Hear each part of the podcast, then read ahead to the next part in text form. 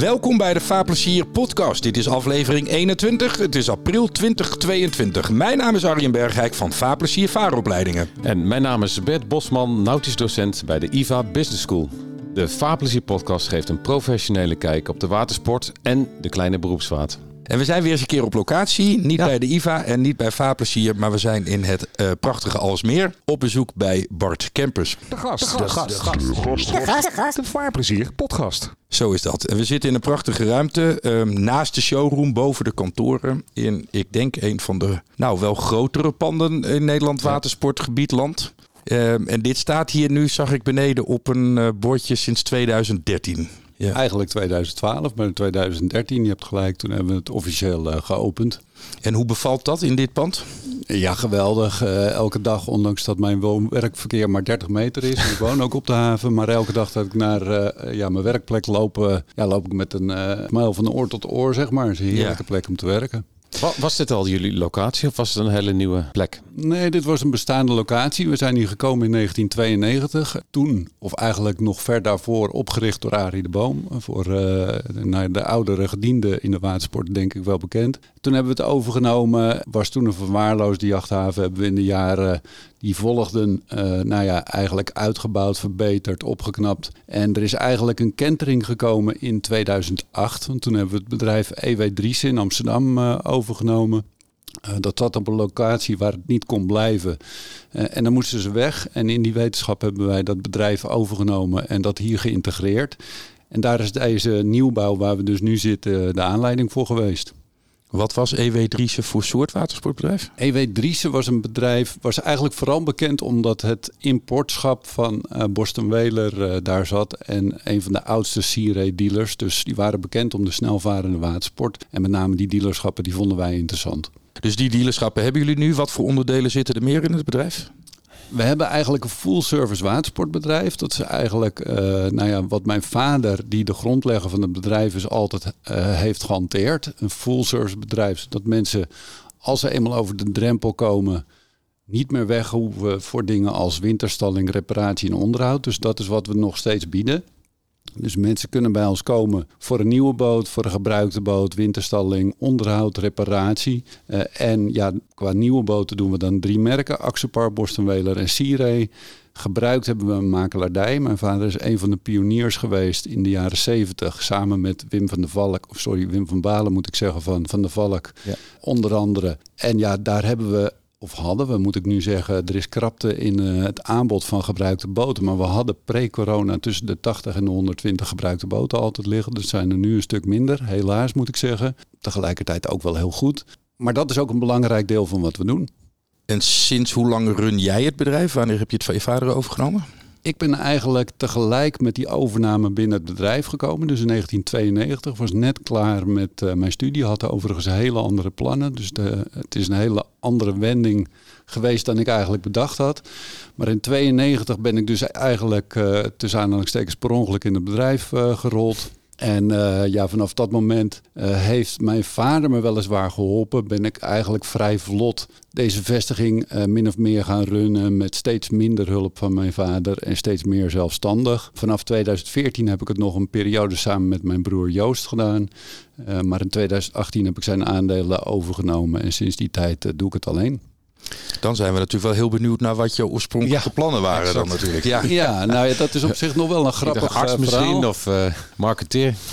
Nou, uh, ik heb bedrijfskunde gestudeerd. Ja. Uh, het verhaal daarachter is dat uh, mijn vader die zat op een jachthaven in het kleine Kudelstaart, hier aan de andere kant van de Westijnenplas. En daar had hij een hele mooie jachthaven gebouwd eigenlijk. Daar rolde mijn broer vrij jong in, want die was heel erg praktisch ingesteld, was handig met boten. En ik was meer de studiebol in het gezin. Ik leerde ietsje makkelijker, maar mijn broer die kwam uit school en zijn tas ging in de hoek en die ging op de haven in de weer. Dus eigenlijk heel natuurlijk groeide het zo dat mijn broer die haven ging doen. En ik heb altijd gezegd van ja, dat is te klein om dat met z'n tweeën te gaan doen. Dus Joost gaat dat doen en ik ga mijn gang. En ik ging bedrijfskunde studeren in het buitenland. Uh, daar was ik redelijk snel doorheen. En toen dacht ik, ja, en nu? Ik was nog vrij jong. Toen ben ik een opleiding uh, accountancy en finance gaan volgen. Ook daar rolde ik uh, redelijk snel doorheen. En toen dacht ik, nou, dan ga ik werken. Ik wilde naar het buitenland, had een baan aangenomen bij een bank in Luxemburg. En op een avond belde mijn moeder en die zei van... eh, goh, kom je van het weekend eigenlijk naar huis? Eh, vergeet je was niet. Eh, eet je nog wel gezond? Enzovoorts. De gebruikelijke moedergesprekken. precies. Elke dag een Eh, en, sinaasappel. oh ja, ik heb nog een nieuwtje.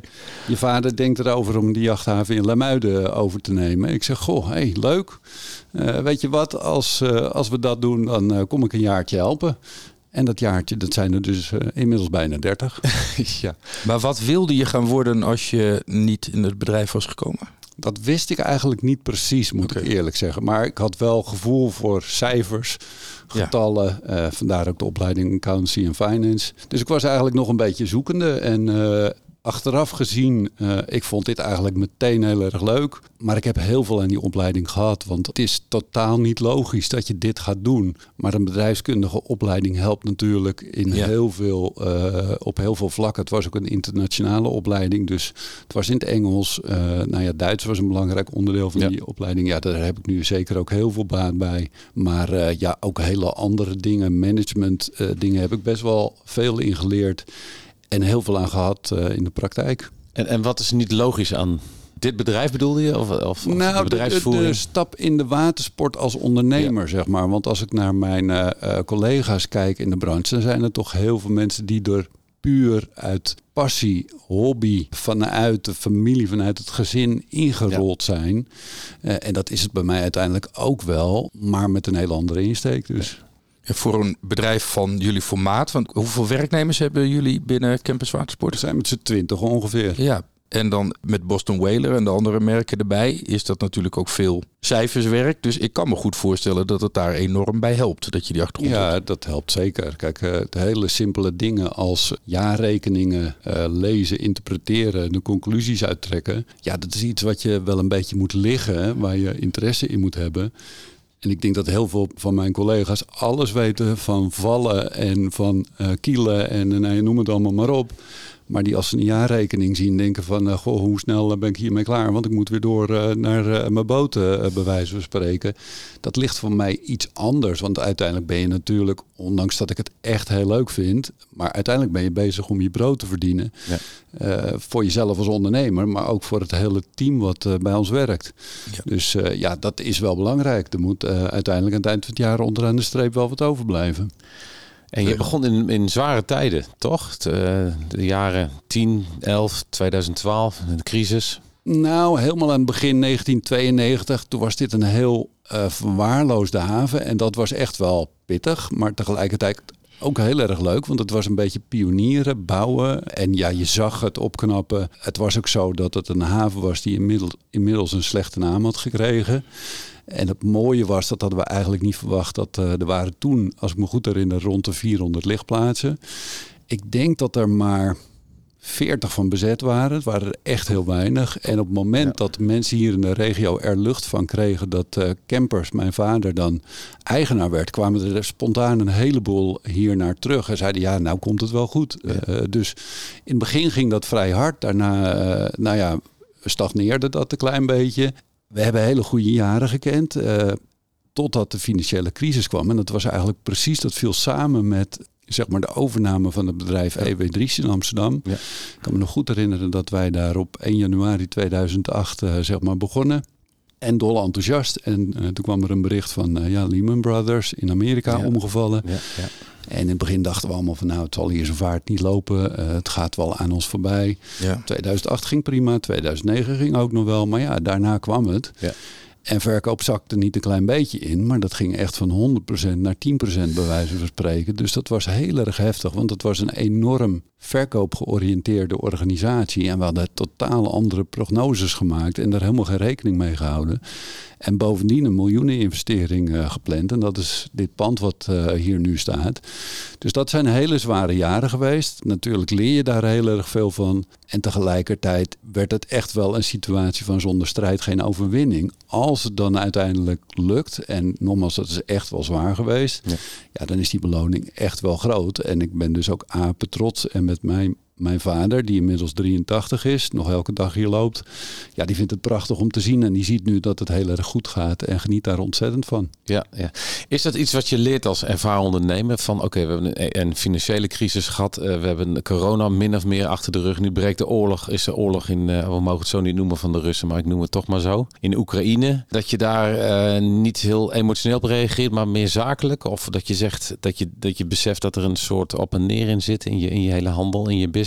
Ja, zeker. Ja. Ik vind zelf overigens dat je zakelijk best wel emotie kunt gebruiken. Want wij zitten in een vak, in een gebied waar emotie heel belangrijk is. Dus dat gebeurde toen ook. Mensen nou ja, we praten het, uh, het, elkaar destijds ook een beetje aan, de crisis. Uh, want ja, als je maar vaak genoeg hoort van oei, het gaat slecht, dan ga je zelf ook uh, om je privé-uitgaven denken. En dan denk je, nou, die nieuwe boot, ik wacht nog wel eventjes. Dus daar moet je als ondernemer zeker naar kijken. Maar het is heel leerzaam. En ja, er zijn golfbewegingen. Achteraf gezien is het voor ons heel goed geweest dat wij in die tijd gewoon heel erg uh, nou, ik zou bijna zeggen, drastisch opgetreden hebben. We hebben echt gesneerd uh, binnen het bedrijf en dat deed natuurlijk ontzettend zeer. Uh, maar we hebben afscheid genomen van voorraad. We hebben heel fors afgeschreven in het begin. Eigenlijk heel vlot en drastisch ingegrepen. En daardoor hebben we het overleefd en zijn we veel sterker eruit gekomen dan dat we erin gingen. Ja. ja. Even, uh, je vader nam uh, stap voor stap afscheid, zei je. Uh, is, is het iets dat hij jou, jou vertrouwde op de plek? Of, of was er nog veel bemoeienis? Of, of, nou, ik zit een beetje te glimlachen, want stap voor stap afscheid. Mijn vader zal nooit afscheid nemen. en dat vind ik heerlijk. ik geniet er gewoon van. We hebben elke dinsdag hebben we dan nog overleg. Ja. ik kan me herinneren, volgens mij was het twee weken geleden. Mijn ouders wonen nu tijdelijk op de boot.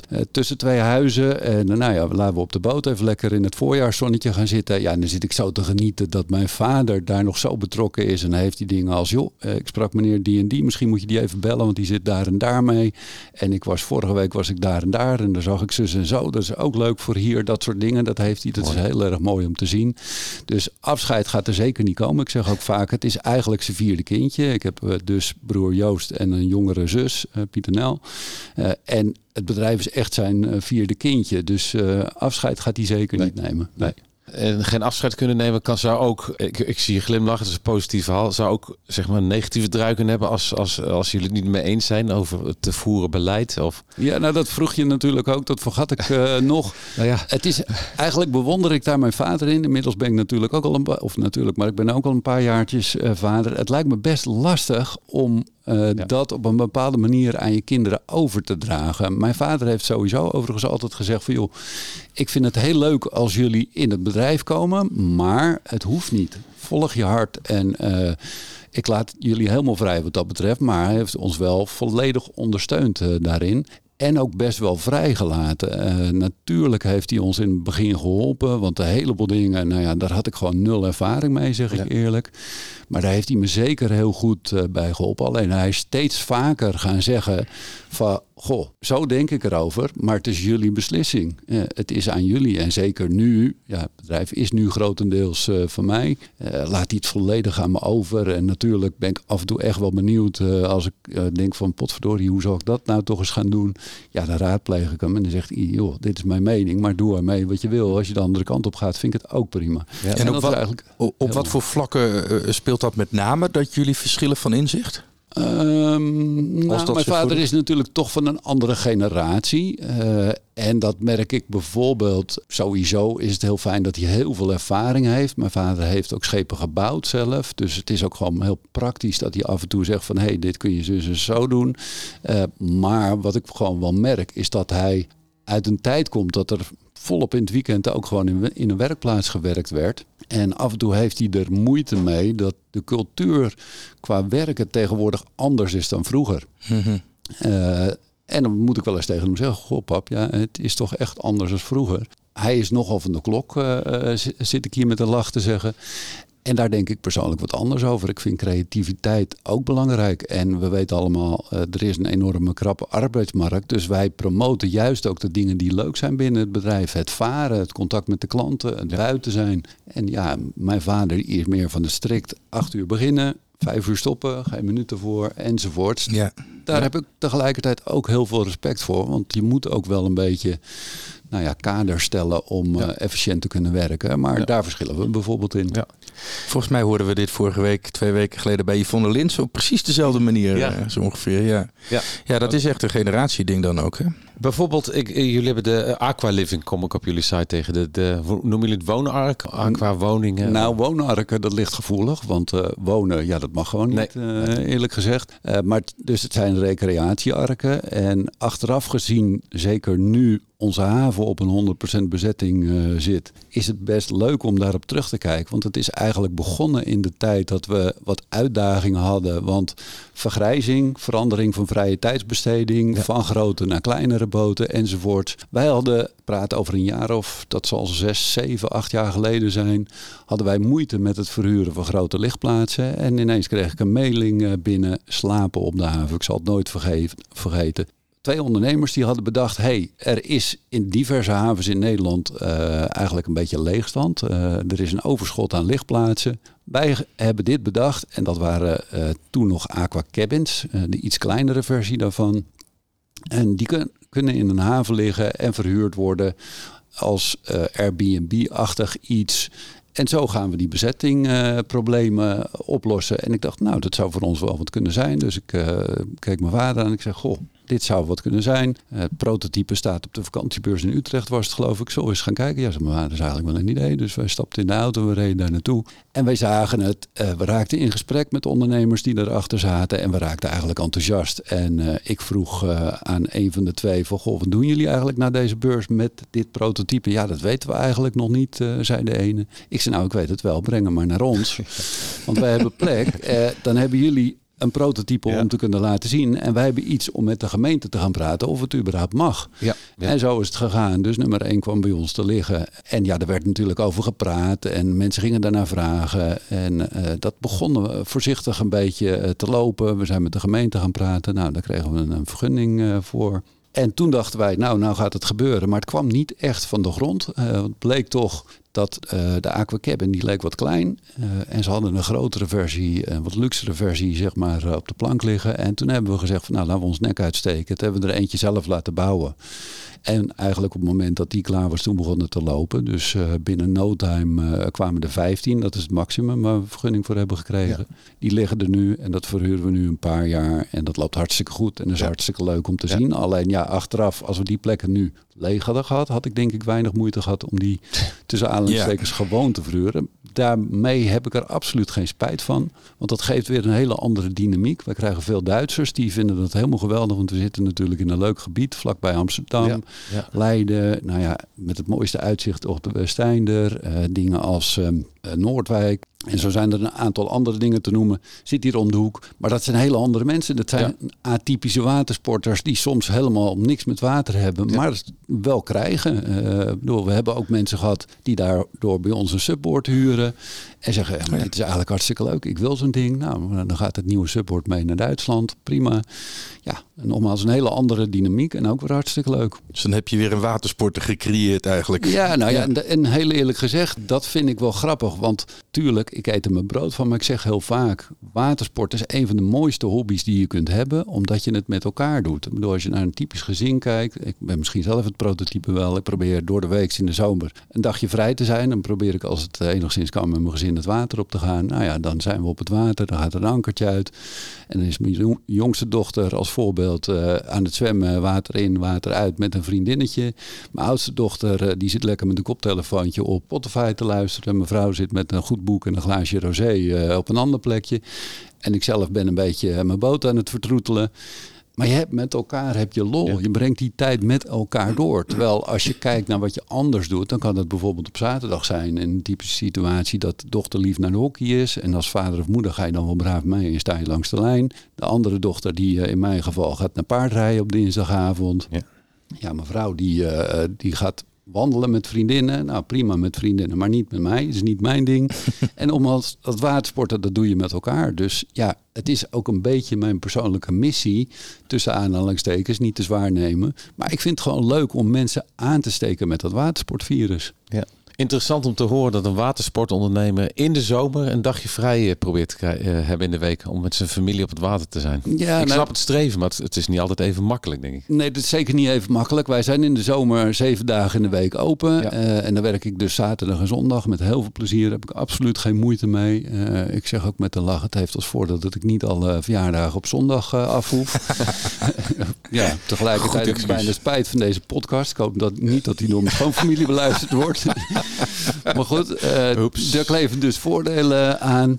Nou ja, woensdag is meestal de vrije dag dat ik dat probeer. Is wel gewoon een fijne dag om op het water te zijn. Het is toch, toch Ja. ietsje rustiger dan eh, op een zondag. Ja, en ik vind het heerlijk. Dus, eh, Ik zag dat zelfs in jouw e-mail handtekening staan. In de winter ben ik op zondag vrij en in de zomer op woensdag vrij. Of is in de woensdag mijn vrije dag. Ja. Ja, ja, dat is ook een stukje zelfbescherming, zeg ik eerlijk. Ja. Want, en ook naar mijn gezin. Want ik vind mijn werk geweldig. Eh, dus als ik niet uitkijk, ik sta hier wel eens op woensdagochtend, eh, eh, sta ik mijn auto wel eens te wassen. Ja, als ik niet uitkijk, ben ik vier uur mijn auto aan het wassen. Omdat Piet wil iets en die wil Ja. dat. En ja, ik vind dat ook leuk. Dus ik, ik vind dat eigenlijk niet erg. Alleen ja, mijn vrouw die wil me gelukkig ook wel eens zien. Dus Dat is op zich een, goed streven. Ja, precies. Ja. Ja. Ja. Hey, we hadden het er net al over het watersporten met jou en je gezin. Wat heb jij van jongs af aan op het water gedaan? Nou ja, ik ben dus opgegroeid op een jachthaven in Kudelstaart. En op een gegeven moment, ik had daar veel minder mee dan mijn broer. Eh, tot het moment dat, ik kan me nog goed herinneren dat windsurfen in die tijd helemaal hot was. Iedereen moest zo'n ding hebben. Dus eh, er lagen ook bij ons op de haven op een gegeven moment tientallen eh, planken, werden ze toen nog genoemd. En ik dacht, laat ik dat ook eens proberen. En eigenlijk vanaf moment één vond ik dat helemaal geweldig. Dus ik werd heel enthousiast eh, surfer. En eh, dat heb ik heel veel jaren gedaan. Probeer ik nog steeds af en toe te doen. Ja, en dan krijg je toch feeling met het water. En op een gegeven moment eh, zei mijn vader van... Goh, ik heb een leuke rubberboot ingeruild met 4 pk erachter. Nou ja, als je dan jong bent, dan ga je je vader net zo lang zeuren... tot die 4 pk en 10 pk wordt. En op een gegeven moment ga je je eerste stappen zetten richting waterskiën. Toen ben ik gaan wakeboarden. En zo ben ik langzaam maar zeker steeds enthousiaster geworden. Het surfen is altijd gebleven. Ik vind zeilen ook nog steeds hartstikke leuk. Alleen ja, mijn gezin is daar iets minder enthousiast eh, over. En ik heb de tijd er ook niet echt voor. Ik heb eh, een paar jaar geleden nog een zeilboot gekocht. Maar na drie jaar ging ik stellen. En ik geloof dat ik vier, jaar, vier keer gezeild had eh, in drie jaar. Ik denk, nou, dat is niet helemaal handig. Dus die heb ik maar weer verkocht. En nu heb ik een eigen boot eh, waarmee ik ja, regelmatig het water op ga. En ik vind elk moment dat ik, eh, dat ik op het water ben, vind ik nog steeds heerlijk. Ik vaar veel 's winters, want dan heb ik wat meer tijd. Ik heb ook de boot ervoor, lekker met verwarming. Eh, we hebben een eiland hier op de plas, daar ga ik heel graag naartoe. Ik zoek vrienden op, ik maak wel eens een tochtje. Ja, ik vind het nog steeds heerlijk. Het is een uh, verwarm, een kajuitboot met een verwarming. Is het een snelle boot of een? Uh... Ja, het is Oh, een oké. snelle boot, Ja. maar eh, tegelijkertijd, ik ben een atypische vaarder, omdat ik heel veel langzaam vaar. De boot, als ik eh, het maximum eruit haal, eh, zit, eh, heeft een topsnelheid van tegen de 90 km per uur. Nou, dat vaar je bijna nooit natuurlijk, maar eerlijk is eerlijk, we blijven allemaal een klein beetje kleine jongen. Dus heel af en toe vind ik het wel leuk, maar het typische voorbeeld is dat als ik een drukke dag heb gehad op mijn werk en ik eventjes mijn gedachten wil verzetten, dan pak ik mijn boot, dat doe ik dan alleen, dan vaar ik naar buiten, dan zet ik de autopilot aan en dan eh, druk ik op het waypoint eiland en dan, nou ja, die eh, autopilot die brengt me daar wel naartoe, maar dan laat ik hem tokkelen, eh, zeg maar. Ja. En dan haal ik rustig mijn stootwieltjes binnen en mijn lijnen binnen en ik pak een borstel en ik maak mijn boot weer even helemaal netjes en ondertussen zet ik een muziekje aan en maak ik een kopje koffie eh, voor mezelf. En tegen de tijd dat mijn boot eh, schoon is, dan ben ik eigenlijk zo'n beetje bij het eiland aangekomen. Dus dan heb ik met eh, drie knopen per uur heb ik, naar het eiland gevaren, terwijl de boot 90 km per uur kan. Dus ik krijg wel eens op mijn donder van de monteurs, want ja, ik heb dan een boot met twee motoren, die moeten eigenlijk wel af en toe werken. Ik heb een poosje geleden nog olie laten verversen en toen zei een van de monteurs, joh, er zit veel te veel water in jouw olie. Dat komt doordat je veel te weinig hard vaart. Dus dat moet ik wat vaker gaan Ja, doen. ja. ja, zij hoeven de brandstof niet te betalen, denk ik. Nee, nee, inderdaad. En ja, dat kost natuurlijk wel geld, maar eh, dat is dan ook een zakelijk dingetje. Wij verkopen heel veel Sea-Race met dikke V8 motoren van Ja. 300, 350 pk en Boston Whalers met, eh, nou ja, we hebben een keer er eentje gehad met 4 keer 350 pk. Ongelooflijk, dat vind zelfs ik heel bijzonder. Allemachtig. Ehm, en tuurlijk, dat lust wat als je eh, in mijn geval je rechterhand gebruikt en dat gas open doet. Als je langzaam vaart, valt dat echt wel mee. Maar het wordt me eigenlijk in een verkoopgesprek altijd wel gevraagd van goh. wat verbruikt dat nou? En word ik daar arm van, bij wijze van spreken? Zo direct vragen mensen dan niet. Maar iedereen wil dat weten en dat begrijp ik ook. Uh, en dan zeggen we ook van joh, uh, als je inderdaad hard gaat varen, ja, met dat soort motoren. Er zitten motoren tussen die lusten per stuk uh, op topsnelheid rond de 80 liter per uur. Nou, daar schrikken heel veel mensen van. Uh, maar tegelijkertijd, je kan in Nederland bijna niet een uur vol vermogen varen. Dat is gewoon, er is geen gebied waar dat kan. Dat wil je ook helemaal niet. Het is helemaal niet leuk. Dus als je de boot in plané brengt en je haalt het gas terug, dan vaar je heel aangenaam en dan is het verbruik heel veel minder. En bovendien, de lol van varen is helemaal niet het varen zelf, maar is ook dat ankeren, ergens lunchen, vrienden opzoeken, enzovoorts, enzovoorts. Dus ik vraag ook vaak, als ik dan een nieuwe boot heb verkocht aan het eind van het seizoen, goh, hoe was je seizoen? Heb je lekker gevaren? Nou, dan krijg ik gelukkig heel vaak enthousiaste verhalen, maar dan vraag ik ook uh, en passant van, joh, hoe zat het nou met verbruikers? je mee of tegengevallen? Nou, de eerste die zegt van, dat is me zwaar tegengevallen, die moet ik nog tegenkomen, want mijn gemiddelde klant vaart 100 uur in een jaar. En wij kunnen die, die nieuwere motoren kunnen we ook uitlezen. Nou, daar is, en ik overdrijf, overdrijf niks. In Nederland is 90%, zo niet meer, is langzaam varen. En die 10% is nog steeds hartstikke leuk en belangrijk. Maar als je dan gaat kijken wat je over een seizoen uh, verbruikt, nou, dan valt het eigenlijk altijd mee. Ja, ja. interessant. Nee, Verwacht kan... je niet met, met drie keer, vier keer 305. Tenminste, dat, ja, is, dan, dat is extreem. Maar, uh... Dat zijn inderdaad extreme. En eerlijk gezegd, ik zelf moet er niet aan denken dat ik dat zou moeten betalen qua verbruik. Want als je met zo'n boot uh, 70 km per uur gaat varen en je kijkt naar de teller, want je kunt het keurig zien, nou dan schrik je echt wel, want dat is echt wel uh, die lust wat. Maar ja, vier keer 350 pk, de boot is ook naar het buitenland gegaan, want dus in Nederland komt dat eigenlijk niet voor. Twee motoren vinden we al behoorlijk wat. Een hele enkele keer zie je iets met drie motoren, maar hier in de wijde regio zou ik niet één boot weten, niet één boot weten met drie motoren. Dus dat komt hier eigenlijk niet voor. Hoe is het met de, op de Westeinde plassen eigenlijk? Mag daar hard gevaren worden? Ik heb me vaak laten vertellen, maar het eerlijk gezegd nooit gecontroleerd dat de Westeinder de langste snelvaarbaan van Nederland oh, heeft. En die is ook best wel lang. Uh, maar nogmaals, ik nooit echt gecheckt of die ook de langste is. Maar dat is echt wel een behoorlijke lange baan. Het is een van de grootste plassen van Nederland, de Westeinder. Dus als je van de ene kant van de baan naar de andere kant uh, vaart, ja, dan ben je echt wel uh, even aan het varen. Dus daar kun je prima uit de voeten. Maar als er een, een klant bij jou de showroom binnenloopt, zou je dan de Axopar en de Boston Whaler en de Sea Ray klant kunnen onderscheiden? Nee, niet direct. Uh, goede verkoper begint natuurlijk altijd met vragen en kijken naar wat is de behoefte. En een heleboel mensen weten het zelf ook niet. Dus ik vraag altijd dingen als waar vaar je nu mee? Wat heb je? Wat vind je leuk aan die boot? Uh, wat zou je willen? Wat mis je? Uh, wat is je vaargebied? hoe is je gezinssamenstelling? Ja, dan ga je een beeld vormen. En als iemand niet echt een voorkeur heeft, ja, dan help je in een bepaalde richting waarvan wij denken dat past bij die klant. Alleen heel eerlijk gezegd dan komt hij weer, boot is emotie. Heel veel mensen komen hier binnen en die hebben zelf al besloten dat het een axelpaar moet worden. Omdat ze gewoon die looks helemaal geweldig vinden en helemaal ja. verliefd erop zijn. Het is toch echt wel een ander type klant dan iemand die voor een Siree of een Borstenwelen komt. Tegelijkertijd, en dat meen ik ook oprecht, ik waak ervoor dat mensen zich te veel laten leiden door hun hart. Want eh, ja, ik vind het ook heel pijnlijk als mensen heel veel geld uitgeven. En na een seizoen zeggen van potverdorie, ja, dat heb ik echt niet goed gedaan. Want het past helemaal niet bij hoe ik vaar. Want het, ik vind het veel leuker als mensen enthousiast zijn, blij zijn met het advies wat ze gekregen hebben. En er heel veel plezier van hebben. En dat tegen al hun vrienden en bekenden vertellen. Ja. Laten we eerlijk zijn, dat is ook mijn reclame. Ja. Maar gebeurt dat, dat er mensen binnenkomen van Axopar en dat ze toch uiteindelijk een andere boot bij je kopen, omdat jij hebt ingeschat, of jullie hebben ingeschat, dat ze daar gelukkiger van worden? Nee, dat uh, voorbeeld dat heb ik nog niet gehad. Maar ik heb wel echt ook in de gebruikte markt wel gehad dat mensen voor een bepaalde boot komen en dat ik dan gaandeweg het proces echt wel op een gegeven moment durf te zeggen van... Goh meneer, ja, u komt voor die boot. Maar gezien alle info die ik nu heb, denk ik dat die en die veel beter bij u past. En dan is dat echt niet een duurdere waar wij dan meer aan verdienen. Nee, helemaal niet. Maar daar ben ik dan oprecht van overtuigd dat die beter past. Tegelijkertijd, wat wij bij Axepar heel sterk merken, is dat heel veel mensen komen voor een open of een T-top. Dat is dan met een zonnezeiltje erboven, omdat ze dat een hele stoere, sexy boot vinden. En nou, in het begin ga ik daarin mee en ik laat het zien en ik leg uit. En op een gegeven moment neem ik ze dan mee varen. Dat is overigens heel vaak met mijn eigen boot, want dat is er dan zo eentje. En die hebben we natuurlijk altijd liggen. En dan varen mensen met een dichte boot. En dan zie ik ze wel eens denken van... hé, hey, maar dit is eigenlijk helemaal zo gek nog niet, een dichte boot. Want dat heeft de voordelen van een open boot. Je kan het dak elektrisch open doen, de schuifdeuren open... en je hebt toch lekker de zon op je bol en de wind door je haren. Maar zeker voor Nederland, ja, daar is het echt niet altijd mooi weer. En mensen willen ook hun seizoen vaak verlengen.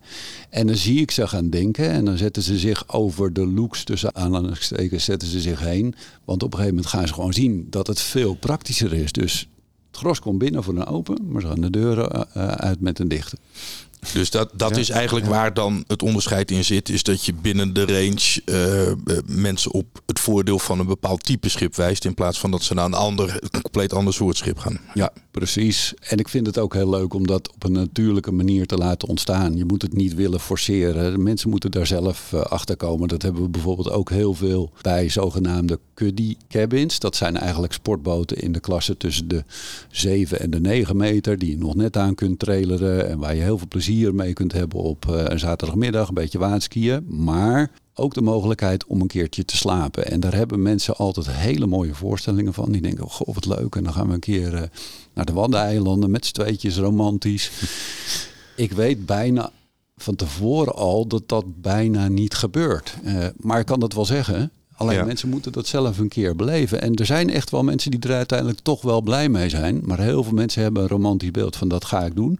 En dan gaan ze een keer overnachten. Maar ja, dan moet een van de twee s'nachts naar het toilet. Ja, en dat toilet dat zit onder de plek waar je slaapt op dat moment. Ja, uh, dat is best, best toch vervelend. Ja, ja zo, zo, zijn er wat meer dingen. Het zijn over het algemeen zeker nieuw best wel kostbare boten. En mensen komen er achter dat het dan toch heel erg kamperen is. En dat dat wat minder bij ze past. Ja. Dus wat ik dan heel vaak zie is dat mensen toch wel blij zijn met die boot. En dat kajuitje voorin wordt gebruikt voor de spullen. En de kinderen eind van de middag, ze worden hangerig. Die gaan met de iPad lekker eventjes uit de zon. Kan het zwemvest eindelijk af.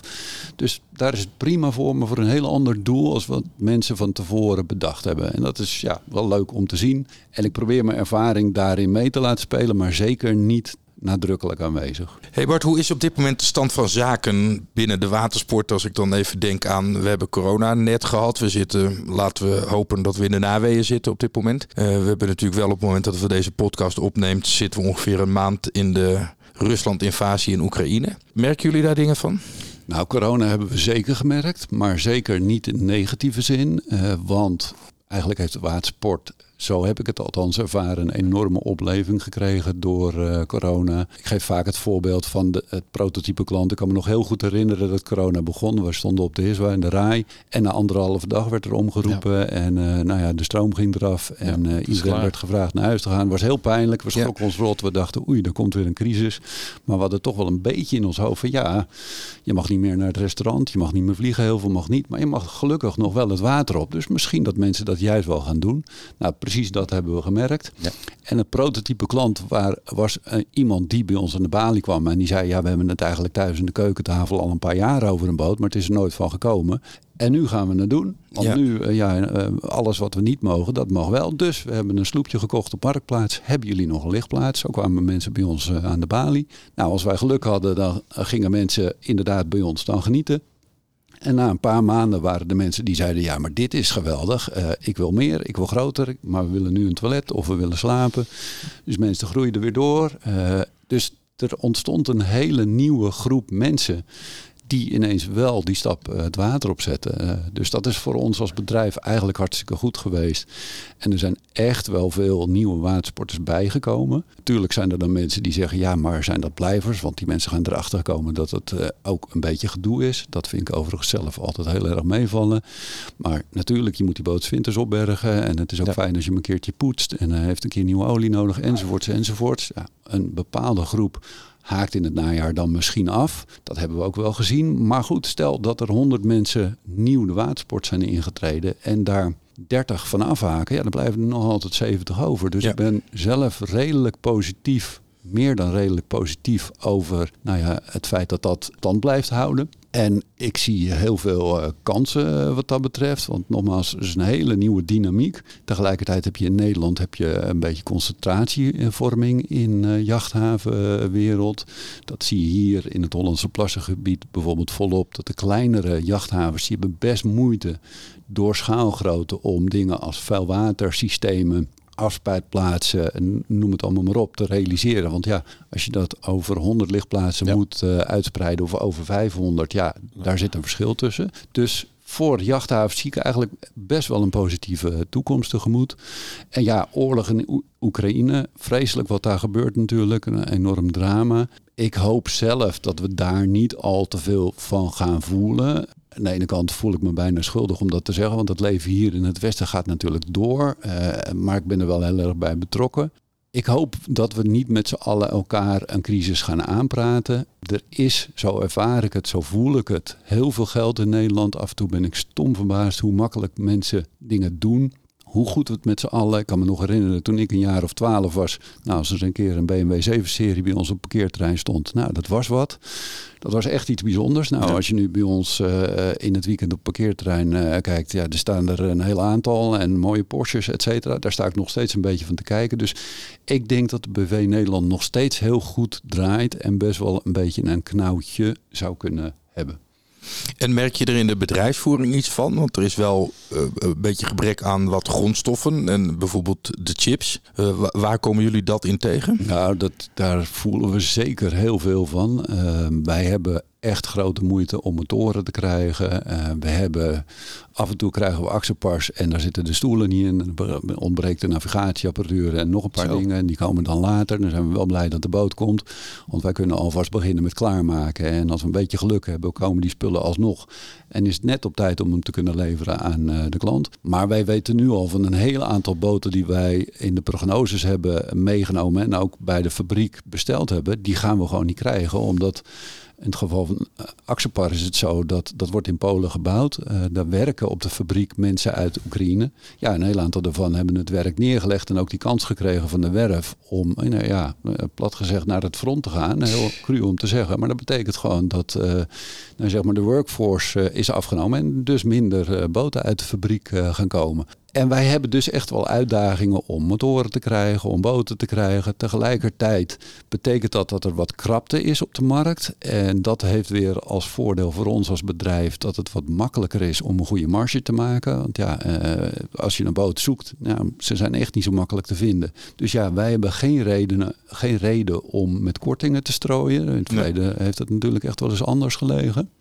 En uh, wat gelukkig ook zo is, dat heel veel van onze klanten zijn ondernemers. Want je moet natuurlijk wel een klein beetje draagkrachtig zijn om uh, zo'n boot te kunnen kopen, zeker nieuw. Uh, dus dat zijn vaak ondernemers. En als wij dan tegen de klant moeten zeggen, ja sorry, ja, die boot die je besteld hebt, we hadden hem gepland voor, ik noem maar even wat, half april. Maar ja, we hebben de motor nog niet, het zal een maand opschuiven. Dan zijn mensen heel begripvol, want we hebben allemaal uitdagingen door transport, tekort aan containers. Nou, je zei het al, ja. chips, noem het allemaal maar op. Ja, mensen begrijpen dat ook. Dus uh, het is eigenlijk best wel te doen. Oké, maar jullie komen daar dus wel doorheen omdat je zegt we moeten wel uitstellen, maar onze klanten snappen dat. Ja, ja, en ik moet eerlijk zeggen, uh, we hebben wel al heel vroeg, want ik voelde het wel aankomen, we hebben wel heel vroeg ook gepland en een forse commitment naar Axopar, uh, Mercury, Macruiser, et cetera gegeven om behoorlijke aantallen af te nemen. En ook onze nek uitgestoken door gewoon boten echt in voorraad te nemen. Zo van ja, als we ze niet hebben, kunnen we ze niet verkopen. En we hebben er alle vertrouwen in dat ons dat gaat lukken. Dus zwinters stroopt dat op tussen aanhalingstekens. Als je nu bij ons in de showroom kijkt, dan zie je dat die uitpeilt, uh, zeg maar. Dat is omdat boten ja. nog afgeleverd moeten gaan worden. En ook gewoon omdat we echt nog gelukkig een heel aantal boten in voorraad hebben. Ja, maar dan steek je toch behoorlijk je nek uit. Uh, dat, is een, dat is een risico. Ja, dat is een risico. Maar goed, ja, daar ben je wel ondernemer voor. Ja. Uh, ja. Ondernemen is risico nemen. Maar dat doe ik wel nu met heel veel vertrouwen. Dat zou ik vijf jaar geleden echt wel heel anders gedaan hebben. Ja, ja. Het Boston Whalers komen natuurlijk over de grote plas, over de oceaan. Is dat transport twee, drie, vier keer duurder geworden? Van, dat is van inderdaad. Boston Whaler? Ja, dat is nou uh, drie keer niet. Twee keer in sommige gevallen ja. ja. Uh, dus dat doet echt wel zeer. Ja. Uh, moet wel zeggen dat Boston Whaler de laatste paar jaar in Nederland echt een uitdaging is geweest. Want we hebben door Trump en de handelsoorlog hebben we een importheffing gehad van maar liefst 25 procent. Ja. ja, Boston Whaler is een niche product omdat het echt heel kostbaar is. Je verslijt dat je leven niet zo goed is het. Uh, neem dat gerust met de korrels uit, maar vraag het de kenners. Maar daardoor, als een boot 100.000 euro kostte in het verleden En de concurrent kostte, ik noem maar even wat, als voorbeeld 70. En dat verschil wordt nu geen 70 of 100, maar 70 of 125. Dat hebben we de laatste jaren gehad. Ja, dan verkoop je veel minder. Dus we hebben er heel weinig verkocht. Maar die heffing is er weer vanaf, gelukkig. Ja. Tegelijkertijd, ja, het gaat Borstenweler zo goed dat wij gewoon heel weinig boten krijgen. Ze, ze zijn gewoon, eh, ja, ze zitten zo vol qua orderportefeuille dat er eh, maar heel weinig beschikbaar is voor Nederland, helaas. Weet je hoeveel ze bouwen? En dat. En waarom zijn ze zo goed? Hoeveel ze er bouwen? Een aantal jaar geleden was het rond de 3000 per jaar. Het zal nu inmiddels fors hoger liggen omdat ze nieuwe fabrieken erbij hebben gebouwd. En ja, waarom zijn ze zo goed? Wij geven vaak het voorbeeld van een schoenendoos. Want als je een schoenendoos, als je daar de deksel van afhaalt, dan is het een heel slap ding. Doe de deksel erop, dan is het een stijf geheel. Waarom geef ik dat voorbeeld? Een Boston Whaler wordt niet gebouwd zoals vrijwel alle andere polyesterboten. Dat je een mal hebt en daar komt op een gegeven moment een romp uit en dat is het dan. Dit uh, wordt gebouwd op de manier dat je een buitenromp maakt en vervolgens een binnenromp. Zodat je een heel stijf, star geheel krijgt. Maar bovendien die twee, die worden volgeschuimd. Waardoor het oer en oer sterk en bovendien onzinkbaar wordt. En daar zijn hele mooie voorbeelden eh, van. Het allerbeste voorbeeld eh, wat mij betreft is, uh, zoek het maar eens op, de Unsinkable Legend Tour. Wij hebben een halve Borstenweler, die staat ook hier bij ons in de showroom, met 150 pk erachter. Die hebben we een keer hier te water gelaten een aantal jaar geleden. En om te laten zien dat het echt kan, hebben we met die halve boot een tour gemaakt. Hier vandaan, Amsterdam door, bij IJmuiden de sluizen door. Ja, mensen wijzen naar hun voorhoofd als ze het zien, maar het is heel grappig. Nou ja, en echt buitenom naar Texel toe. Ja.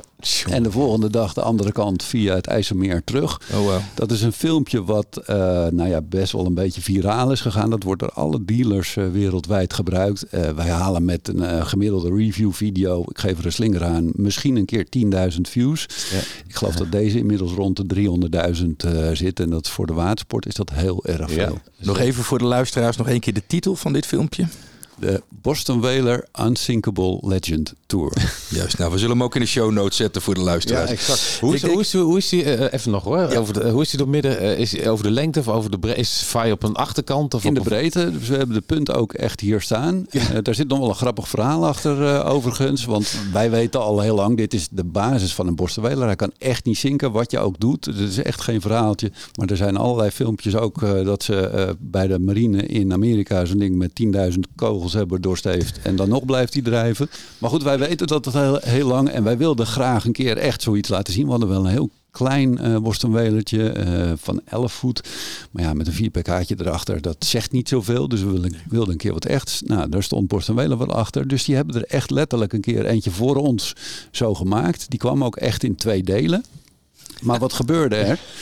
Die kwam aan, uh, uh, nou ja, uiteraard uh, op een zeehaven en die moest door de douane heen. En de douane die zag dat en die zagen dat daar schuim in zat. En die dachten van, hé, hey, maar dat is de ideale manier om drugs te verstoppen. Oh, ja. Dus die boot is echt een maand vastgehouden. Ze hebben ook geprobeerd dat schuim eruit te peuteren. Dus hij is daardoor ook een beetje beschadigd om te kijken van, zit er niet wat in? Hij is door allerlei scanners gegaan. Ja. Nou ja, bij godsgratie werd hij na een maand toch maar vrijgegeven. en toen hadden we hem. Mooi. Hey Bart, jullie hebben vorig jaar met uh, Menke Maritiem samen volgens mij het initiatief genomen voor de bootshow Hollandse Plassen. Uh, waarom zijn jullie dat gaan doen? Nou, eigenlijk vanwege uh, de veranderingen in beurzenland. Uh, ik zei net al eventjes, uh, we hadden de laatste beurs in de RAI. Nou ja, dat was net eigenlijk het punt dat corona begon. Ja. dus die beurs viel weg. Vervolgens kwam er eigenlijk niks meer. de Heerswarte Water ging niet door. De eerste, Boot Düsseldorf, dat zijn de belangrijkste beurzen voor ons, die ging niet door. Dus ja, er bleef eigenlijk niks over. En wij misten dat, want mensen willen, nou ja, kunnen zien, ondanks dat heel veel mensen zich tegenwoordig online natuurlijk informeren. Ze gaan filmpjes kijken en ze bekijken alle websites. Maar ja, je wil het voelen, je wil het beleven. Dus we dachten van nou, we moeten toch iets gaan doen. En wij hadden in het verleden wel proefvaren evenementen en dergelijke georganiseerd. Maar net op het moment dat dingen weer mochten, dachten we ja, we gaan wat doen. We zitten op een hele mooie plek. We zitten vrij centraal. En ja, waarom alleen als je het met elkaar kunt doen op een manier dat je er een veel groter evenement van kunt maken. Dus samen met Bernard Menke, inderdaad, van Menke Maritiem, hebben we het initiatief eh, genomen om deze beurs op te zetten en een aantal uh, deelnemende partijen gevonden. En ja, dat heeft geleid tot een heel leuk evenement. We hadden wel een beetje geluk, moet ik eerlijk bekennen, want we hadden en mooi weer en we waren eigenlijk de eersten waar weer wat gebeurde. En mensen hunkerden naar weer lekker naar buiten, bootjes kijken, over bootjes praten enzovoorts. Dus dat pakte heel goed uit en ja, was een enorm succes. Ja, ik ben erbij geweest. Het was inderdaad heel erg leuk. Uh, zijn daar dingen uitgekomen waarvan je zegt: dit is de reden waarom we het de komende jaren blijven doen? Nou wat er uitgekomen is, is vooral dat eigenlijk vrijwel alle deelnemende bedrijven meteen al zeiden: joh, dit is zo goed en zo leuk. Uh, en boten in hun natuurlijke habitat in het water buiten, dat past. Ook betaalbaar voor de deelnemers. Dat iedereen zei, dit willen we volgend jaar weer. Nou, dus het besluit was eigenlijk al voordat de beurs uh, voorbij was uh, genomen. En er zijn uiteindelijk gewoon echt concrete verkopen uh, uitgekomen. Dus ja, het is echt wel een, ook een commercieel succes gebleken. En dan gaat die dit jaar dus weer plaatsvinden eind juni, zeg ik uit mijn hoofd. 24, 25, 26 juni. en we geven er een beetje een midzomer tintje aan. Is een beetje Scandinavisch. Oh ja. Maar het ligt rond midzomer. En we gaan ook een avond de zaterdag zaterdag gaan we een feestje bouwen. Dan hebben we live muziek. Dus je bent van harte welkom. Ja, nou ja, we, gaan, uh, we hebben het er vanmiddag al over gehad, want ik was hier wat eerder dan we de podcast opnamen. We gaan er mogelijk met Vaarplezier ook uh, als bedrijf aanwezig zijn. Ja. Nou, we hebben ook al een uitnodiging van Arjen Konijn van Koningplex gekregen van Contest. Ja. Ook, voor een beurs die op eigen of met een aantal ondernemers wordt georganiseerd. Ja. Was, onlangs was de Oesterdam. Ja. Is dat vergelijkbaar? Of? Ja, eigenlijk is Amsterdam Aqua ontstaan uh, naar, naar aanleiding van Bootshow Hollandse Plassen. Wat we dus vorig jaar hier voor het eerst hebben gedaan. Ja.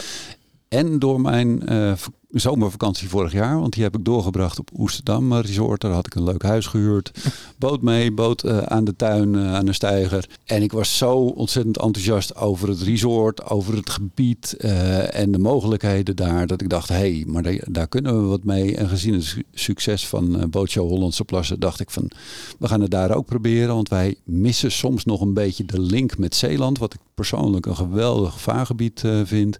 Dus daar heb ik eigenlijk hetzelfde gedaan. Wij hebben hebben de beurs uh, mede georganiseerd met Gert-Jan Roos en Linda Verwer, die vroeger uh, de Rai in de Hiswa organiseerden. Dus die heb ik ingeschakeld om uh, Bootshow Hollandse Plassen mede te organiseren. En die heb ik nu ook weer gevraagd voor Oesterdam Aqua.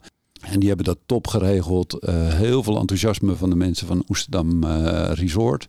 Maar ook daar weer van de deelnemers. We hadden wel echt pech nu qua weer. Want de vrijdag hadden we nog uh, sneeuw ja. en storm. En maandag met de, het opruimen van de boten en het ophalen was het ook verre van ideaal weer. Ja. Maar gelukkig de zaterdag en zondag waren eigenlijk best wel prima qua weer. Ja. En dat was een eerste keer. Je moet bouwen aan zoiets, maar ook daar heel veel enthousiasme van de deelnemers. En diversen die meteen alweer zeiden van uh, volgend jaar weer. Mooi. Nou, dan moeten we ook richting de afsluiting. Ja. Want het voordeel van een gast die enthousiast is en daar goed over kan praten, is dat er uh, veel informatie naar boven komt. Maar wel ook dat we inmiddels aan het einde van de tijd zitten. Dus we gaan zelfs wat verder de scheepstafel komt gewoon even overslaan. En ik uh, kan nog zoveel vragen. Ja, want we hebben eigenlijk al zoveel Het bedrijf bedacht. is zelfvoorzienend volgens mij in energie of zo goed als dat soort dingen. Maar dat, ja. dat kan niet meer. Nee, precies. We zitten er gewoon in qua tijd. Ja. Dus we moeten gaan afsluiten. Bart, ik wil je enorm danken voor je gastvrijheid en uh, je prachtige verhaal over Campus Watersport. We nodigen bij deze iedereen uit om het filmpje te gaan kijken over de Boston Whaler. Die gehalveerd uh, over het water vaart. We zullen uh, de link in de show notes zetten. En natuurlijk iedereen die het nog voor uh, eind juni luistert, uh, uitnodigen voor de ja. Bootje Hollandse Plassen. Ja. Goed, tot zover deze podcast. We gaan ermee ophouden. Je kunt hem terugvinden in alle favoriete podcast-apps en natuurlijk op vaarplezier.nl slash podcast. Juist. Mensen die willen reageren, opmerkingen, vragen, graag uh, mail ons op podcast.vaarplezier.nl. Voor nu hartelijk dank. Uh, zijn naam is Bert Borsman. En zijn naam is Arjen Bergijk. Tot de volgende Vaarplezier podcast.